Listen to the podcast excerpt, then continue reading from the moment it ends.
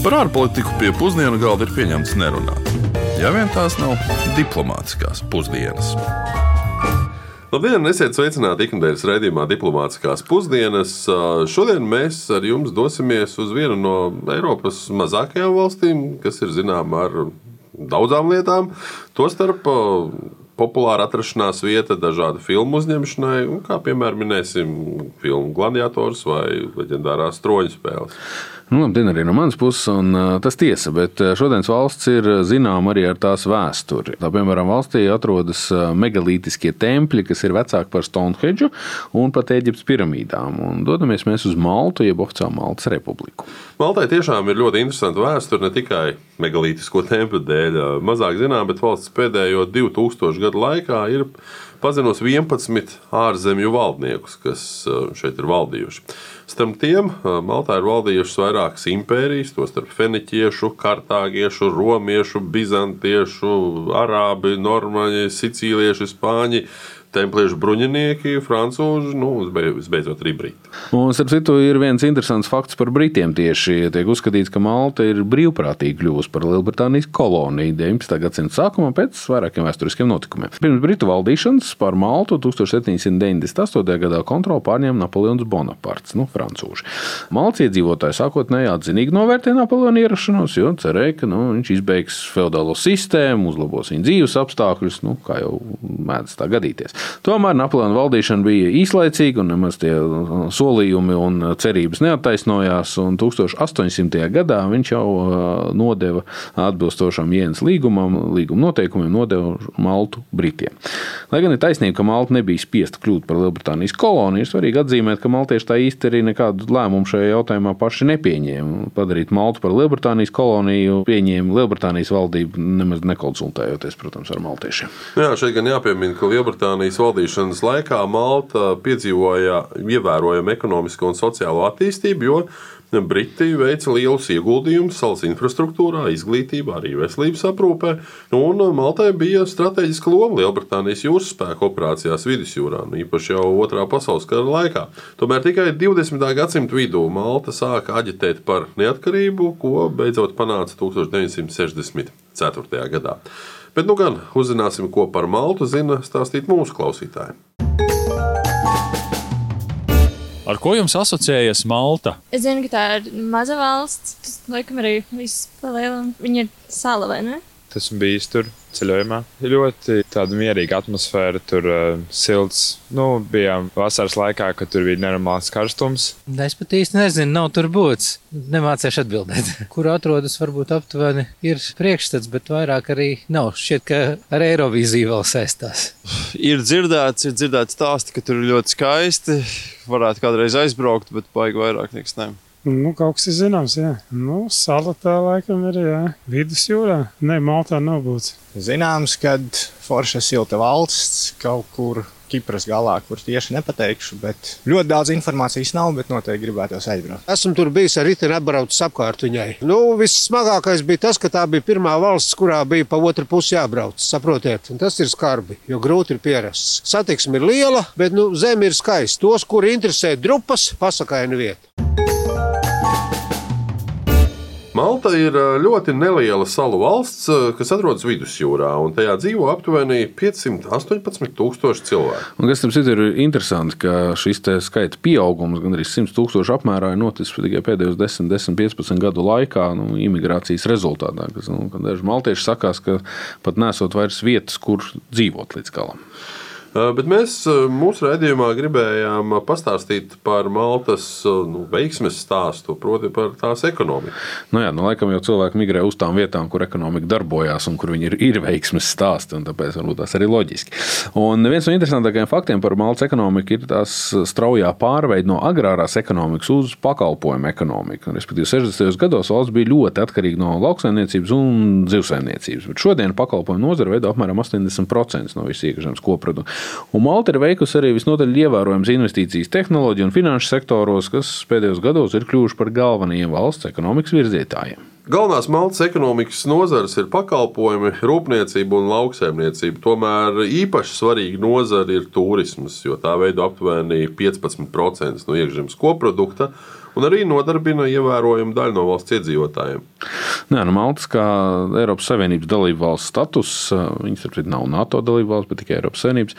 Un arī šis konkurētspējīgais nodokļu režīms ir padarījis valsti par pievilcīgu vietu ārvalstu uzņēmumiem, īpaši jau finanšu pakalpojumu nozarē. Un, starp citu, IKP uz vienu iedzīvotāju pēc pirktspējas paritātes ir 46,000 eiro, kas ir apmēram par 14,000 lielāks nekā Latvijas. Nu, tādējādi, neskatoties uz savu nelielo izmēru, Malta ir kļuvusi par nozīmīgu spēlētāju visas pasaules ekonomikā.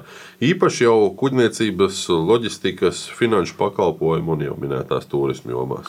Nu jā, šī te, laikam, nodokļu un likumdošanas izmantošana savās interesēs, kā saka, nevienai valstī ir nākusi par labu ekonomikas būvēšanai.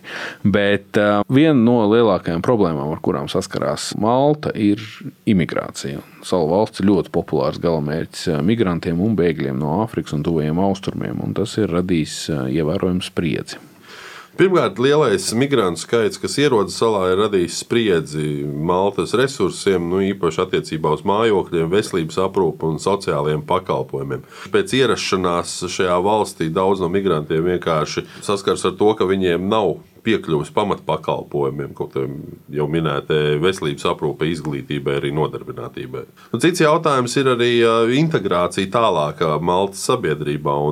Nu, lai gan Malta ir pielikusi pūles, lai nodrošinātu valodu, nodarbības un citu atbalstu, nu, joprojām pastāv būtiski šķēršļi nu, šeit, gan sociālajai, gan arī ekonomiskai integrācijai. Nu, visai acīm redzami ir arī diskriminācija, gan valodas, gan arī nu, darba iespēju dēļ. Nu, kā varat iedomāties, tad migrācijas jautājums, protams, ir politiski šķeļošs kļuvis un uh, izskan arī līdzjūtīgs balss, kas aicina ievērot līdzjūtīgāku, humānāku pieeju migrācijai un Maltai pildīt starptautiskās tiesībās noteiktās saistības aizsargāt un atbalstīt bēgļus un patvērumu meklētājus. Nu, tad, attiecīgi, ir dažādas kopienas valsts iekšienē, un šī vienprātības atrašana kļūst ar vien biežāk ļoti sarežģīta. Nu, paši iemesli migrācijai uz Maltu ir arī sarežģīti un ļoti dažādi. Nu, daudz migrantu ierodas uh, meklējot labākas ekonomiskās iespējas, Citi meklēja vienkārši patvērumu no konfliktiem un arī vajāšanu savā mītnes zemēs. Vai arī, lai atkal apvienotos ar ģimenes locekļiem, kuri jau ir migrējuši uz Maltu vai tālāk no Eiropas valstīm. Nē, nu vēl starp iemesliem arī, kāpēc, protams, cilvēki migrē uz Maltu, kāpēc ierodās Maltā, ir arī plašākas globālās tendences, nu, klimata pārmaiņas, kuru dēļ pieaug cilvēku pārvietošanās visā pasaulē, un ne tikai konflikti, kurus baidu kārtā cilvēki pārvietojās uz citām vietām, kur ir drošāk. Un tāpēc būtu svarīgi uzzināt, kā šis migrācijas jautājums izskatās no pašas Maltas puses. Un uh, šo situāciju savas vizītes laikā Latvijā skaidroja arī Maltas prezidents Džordžs Vela. Paklausīsimies viņa teikto. Our main concern is migration. Mūsu lielākās bažas rada migrācija. Mēs esam valsts, kas ir vis tālāk uz Eiropas Savienības dienvidiem un vistuvāk Āfrikas kontinentam. Tradicionāli mums vienmēr ir bijušas ļoti labas attiecības ar Ziemeļāfrikas valstīm, taču tad mēs sākām apzināti izstrādāt politiku un rūpīgāk attiekties pret tām valstīm, kas atrodas vēl tālāk uz dienvidiem no šīm valstīm. Pirms arābu pavasara lielākā daļa problēmu nāca tieši no valstīm Sāhelas reģionā un Centrālā Afrikā. Sākotnēji migrācija nebija visai satraucošs fenomens, un mēs ar to tikām galā, sadarbojoties piemēram ar Itāliju, kura ir līdzīgā situācijā. Kad situācija kļuva sarežģītāka un migrantu skaits palielinājās, mēs sapratām, ka šis fenomens ir apzināti organizēts un vainojami ir cilvēku kontrabandisti otrā pusē. Cilvēki plūda no Čadas un Nigērijas, un pēc arābu pavasara Lībijā vairs faktiski nebija nekādas kontroles. Tāpēc cilvēki brīvi devās uz ziemeļu robežu, lai dotos bieži vien letālajā ceļā pāri vidusjūrai. Tad, kad mēs sakām, ka mēs no citu Eiropas Savienības valstu puses būtu sagaidījuši lielāku solidaritāti, mēs domājam vienu lietu. Mūsu valsts ir ļoti maza, tie ir tikai 330 km2 un pusmiljons iedzīvotāju. Tas padara par neiespējamu mums uzņemt visus cilvēkus, kas sasniedz mūsu krastus. Mēs izpildām starptautisko likumu uzliktās saistības, izglābjot cilvēkus no noslīgšanas, un par to nav nekādu strīdu. Taču mums bažas dara tas, ko darīt ar tiem cilvēkiem, kuri kvalificējas bēgļu statusam vai kuriem ir nepieciešama starptautiskā humānā aizsardzība. Mēs vienmēr esam lūguši citām Eiropas Savienības valstīm: lūdzu, palīdziet mums. Tas bija vēl pirms Sīrijas kara vai Ukrainas kara, kas radīja jaunus migrācijas spiedienus.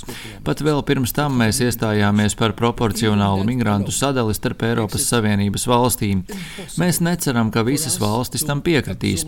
Pat ja tās būtu 15, 16 vai 22 valstis, kuras varētu brīvprātīgi uzņemt pie sevis patvēruma statusam atbilstošus cilvēkus, tas nebūtu tik smagi. Ja tie būtu 200 cilvēki un 20 valstis tos būtu gatavas uzņemt, tas nozīmētu pa desmit bēgļiem katrai. Tie nav 200. Šie cilvēki turpinās ierasties. Tas nav fenomens kā tāds, tas ir fenomena gala rezultāts. Tas ir rezultāts mūsu politikai pret Āfriku, kur trūkst attīstības, rūpniecības un kur arvien aktuālākas kļūst klimata pārmaiņas. Ja tūkstneši kļūs lielāki, trūks ūdens un ražas kļūs mazākas, cilvēki turpinās pārvietoties. Es visu laiku uzsveru, ka mēs necenšamies atbrīvoties no atbildības. Mēs savus pienākumus izpildām, bet vēlamies to darīt solidāri ar citām Eiropas Savienības valstīm. Jo būsim atklāti, viņi jau nebrauc uz mazo Maltas salu, lai paliktu. Viņi vēlas pārcelties uz Vāciju, Franciju vai Itāliju, kur ir daudz vairāk iespēju. Mēs no savas puses vēlamies izrādīt cieņu par tiem upuriem, ko šie cilvēki ir nesuši. Neviens no viņiem nepamat savu zemi bez jebkāda iemesla. Viņi ir spiesti doties vai nu kara, bada, vajāšanas vai citu iemeslu dēļ. Un mēs par šiem jautājumiem ļoti aktīvi iesaistāmies diskusijās Eiropas līmenī, jo mēs to visu izjūtam katru dienu. Mums ir jāatbild uz cilvēku jautājumu, kad tas beigsies, cik cilvēku vēl ieradīsies, kādi ir nākotnes scenāriji. Mēs varam tikai paust cerību par to, ka Eiropas Savienība mums palīdzēs.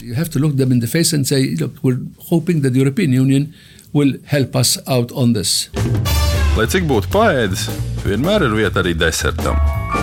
Nu, un, kā ierasts, ir pienācis laiks arī desertam, un šodien desertā runāsim par valsts interesantu veidu, kā pārvarēt ūdens trūkuma izaicinājumus. Tā kā sāla saņem minimālu nokrišņu daudzumu, gadā tā ir 300 saulainās dienas, un tā arī nav pastāvīgu virzemes ūdens avotu, piemēram, upi vai ezeru, tad Maltas ūdens trūkuma problēma ir visnotaļ nozīmīgs izaicinājums valstī, un ir bijusi arī nu, vēsturiski nozīmīgs izaicinājums, un par to arī desertā. Maltas gruntsūdens resursi ir ļoti ierobežoti un neaizsargāti pret piesārņojumu, nu, pārmērīgu ieguvumu un arī salsūdens iekļūšanu. Tā rezultātā valsts ir pievērsusies atsāļošanai, lai papildinātu savus ūdens rezerves. Nu, kā jūs saprotat, atsāļošanas process ietver sāls un citu minerālu izņemšanu no jūras ūdens, lai padarītu to drošu patēriņam. Un Malta ir ieguldījusi liels līdzekļus atsāļošanas tehnoloģijās, un apmēram pusi no tās ūdens apgādes šobrīd nodrošina tieši atsāļotais uh, ūdens. Pirmā Maltas atsāļošanas iekārta tika nodota eksploatācijā 1981. gadā, un kopš tā laika ir ieguldīts pamatīgi tehnoloģijās, un tagad ir vairākas atsāļošanas rūpnīcas, kas izkaisīts pa visu salu.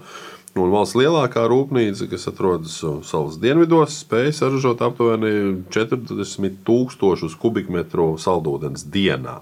Nu jā, nu šī atsāļošanas fakta, atsāļotā fakta, mēs šodien noslēgsim mūsu raidījumu un jaunadēļ dosimies atkal prom no Eiropas kontinenta un dosimies uz Āfrikas ziemeļa austrumiem, uz Eritrejas valsti. Bet līdz tam, lai viss izdodas. Un no savas puses vēl tikai atgādināšu, ka šo raidījumu veidojam mēs, Suģis Lībijams un Dr autors Kārlis Bukovskis, palīdzot Aleksandrai Palkovai un Uldim Čezberim. Uz atdzirdēšanos jau pēc nedēļas. Diplomātiskās pusdienas katru otrdienu pusdienos Latvijas Radio 1.